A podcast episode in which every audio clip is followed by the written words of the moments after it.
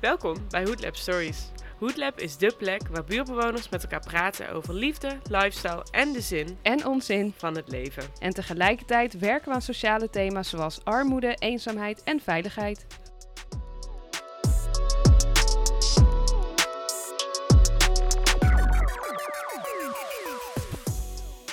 Bewoners van de Dapperbuurt ondervinden al jaren last van hangjongeren en criminaliteit.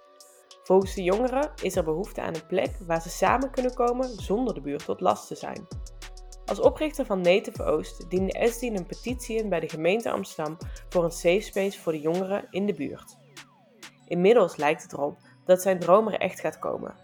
Maar voordat het plan kan doorgaan, moet ook de buurt aan boord zijn.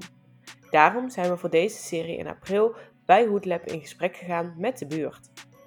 Vandaag is Ibtisam, die zich aansluit bij Native Oost om een safe space te realiseren, in gesprek met Jane.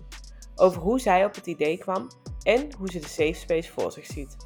Maar ook duiken we in haar eigen jeugd en hoe dit haar en haar idee gevormd heeft.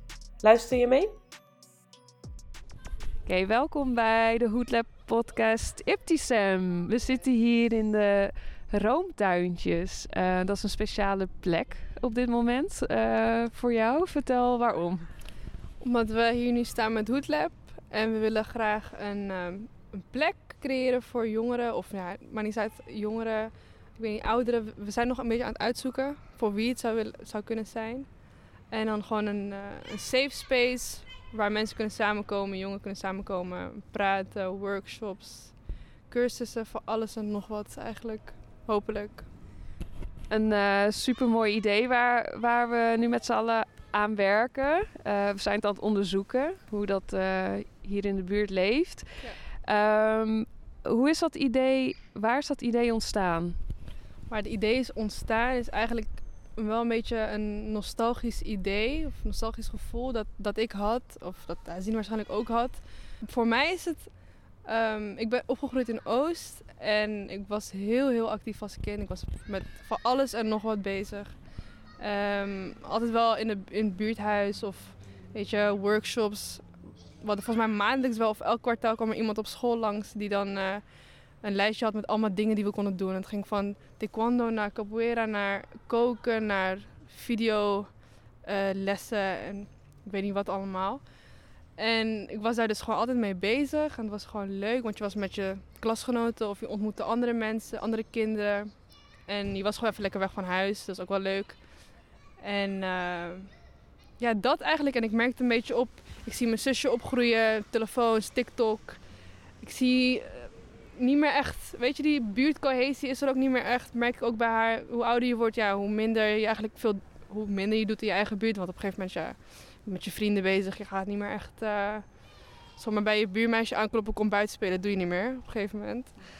En, ehm, dus ik merkte op dat, dat ik dat miste in de buurt. En eh, daarom eigenlijk dit idee, dat gewoon dat oude gevoel terugbrengen en gewoon iets kunnen betekenen voor, eh, voor jongeren in de buurt. Gewoon lekker, weet je, gewoon een safe space waar ze, als ze ergens mee zitten, gewoon even lekker je verhaal komen doen. En dat ook gewoon blijft, dat ze gewoon vertrouwensgevoel kunnen hebben. En ja, hulp. Ja, gewoon heel breed eigenlijk. Mooi. We gaan zo nog ook even hebben over hoe je, ja, hoe je dat voor je ziet en eh, ja, hoe je dat in de toekomst ziet gebeuren. Maar je had het over een nostalgisch idee, over nostalgie gesproken. Ja. Hoe, was jouw, hoe was jouw eigen jeugd verder? Mijn eigen jeugd. Ja, ik was heel, heel druk. Ik was echt zo'n eh, tomboy. Nog steeds wel een beetje. Maar ik was altijd aan het rondrennen. Blauwe plekken. eh, weet je, dan zei mijn moeder... Mijn moeder heeft zo vaak tegen mij geschreeuwd. Stop met spelen met die jongens. Stop met voetballen. Ga eens even daar gaan zitten. Nee, nee. Ging ik toch voetballen. En toch... eh, dus dat is eigenlijk...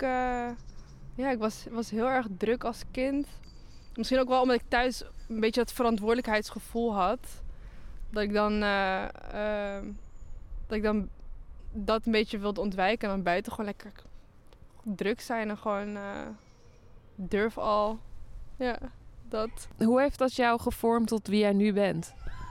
Ja, ik denk wel vaak aan jongeren ik. Want ik was heel erg s- een durf al. En als ik nu dingen niet meer echt durf of eh, opmerk dat ik een beetje lui ben, denk ik van ja, denk aan haar. Want je was zo druk, je was zo, eh, zo bezig met van alles en nog wat. Waarom zou je dit nu niet durven? Ik bedoel, eh, ik was gewoon zo. Dat verlies je wel een beetje. Want hoe ouder je wordt, hoe meer je gaat geven om wat andere mensen van je denken. En eh, je raakt daar een beetje in verwikkeld. En wanneer je jong bent, denk je daar helemaal niet aan.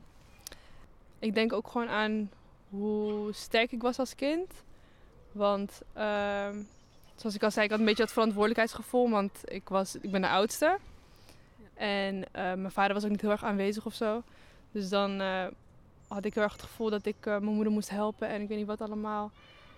Dus ik denk dat als, als ik niet zo was geweest, zo sterk, dat ik dat nu wel wat, wat heel anders zou zijn dan, dan ik ben eigenlijk. Ik ben toch wel sterk van mezelf, al zeg ik het zelf. Ja.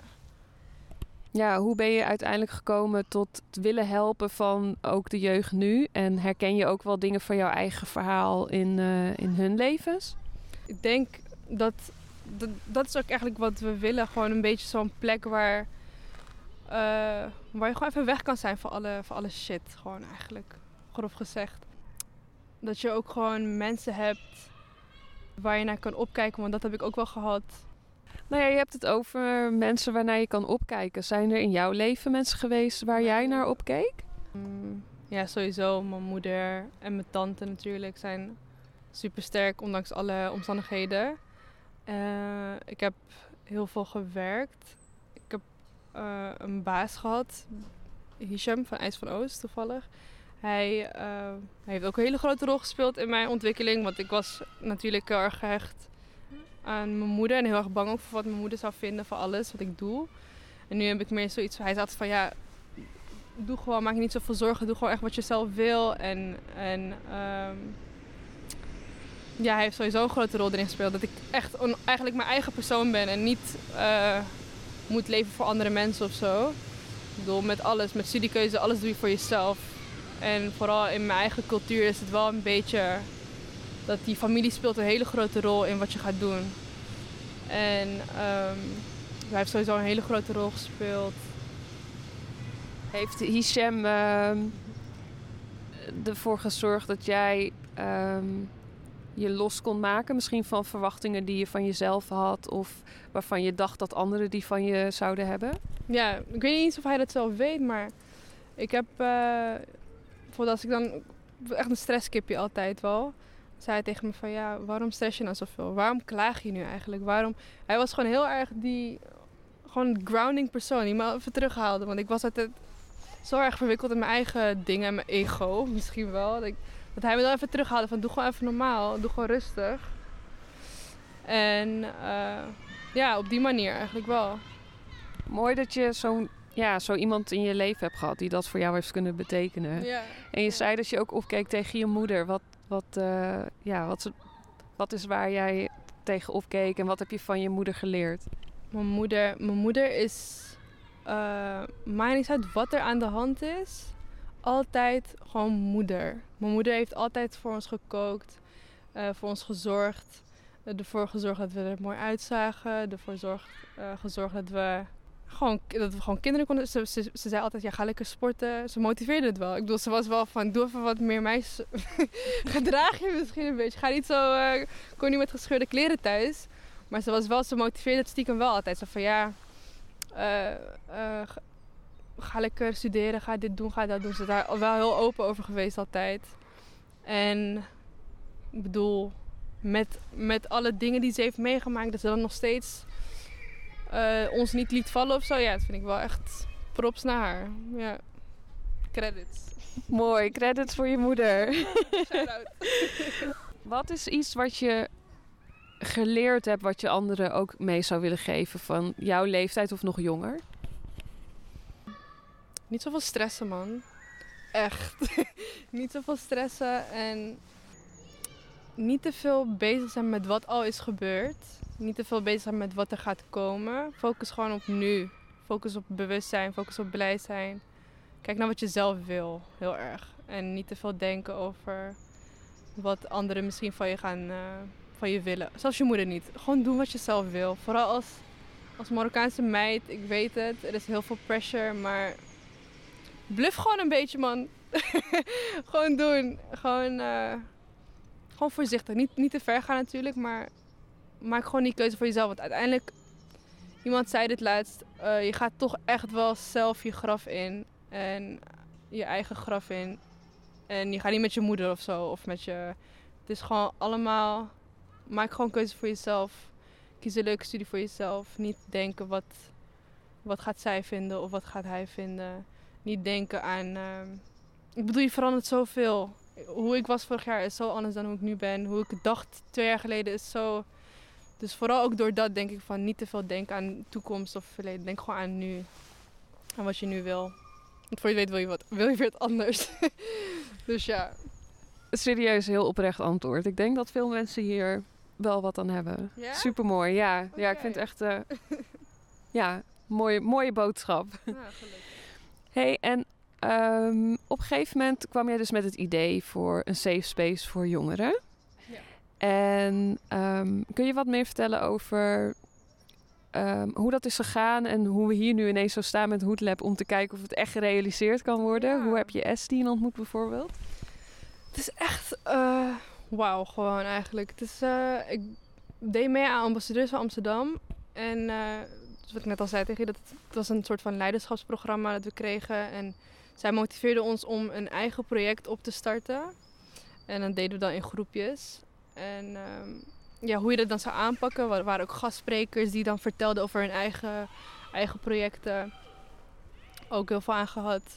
En wij kwamen dus op een gegeven moment met het idee, dus ik, Frodi en Iman, om een uh, uh, safe sp space buurthuis weer te creëren. Dus wat ik net vertelde, uh, voor jongeren, voor, ja, ja, eigenlijk voornamelijk voor jongeren. We dachten aan 16 tot, tot 21 jaar, zoiets.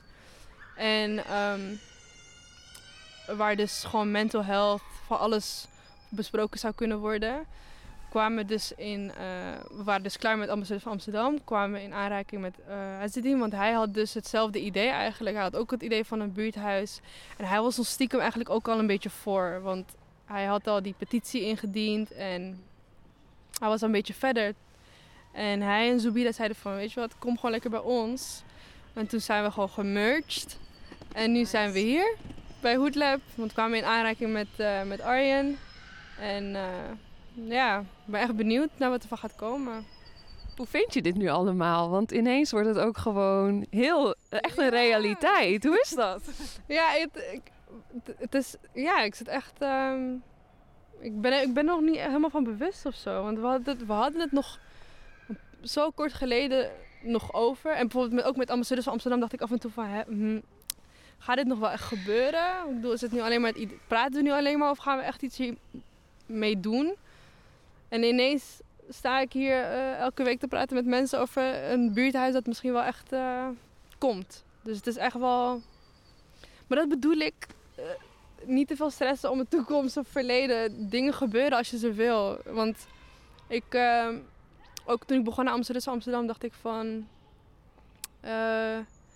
ja, ik wil toch wel iets gaan doen nu. Ik wil mezelf wel gaan inzetten, want ik ben heel erg bezig met school en werk en zo.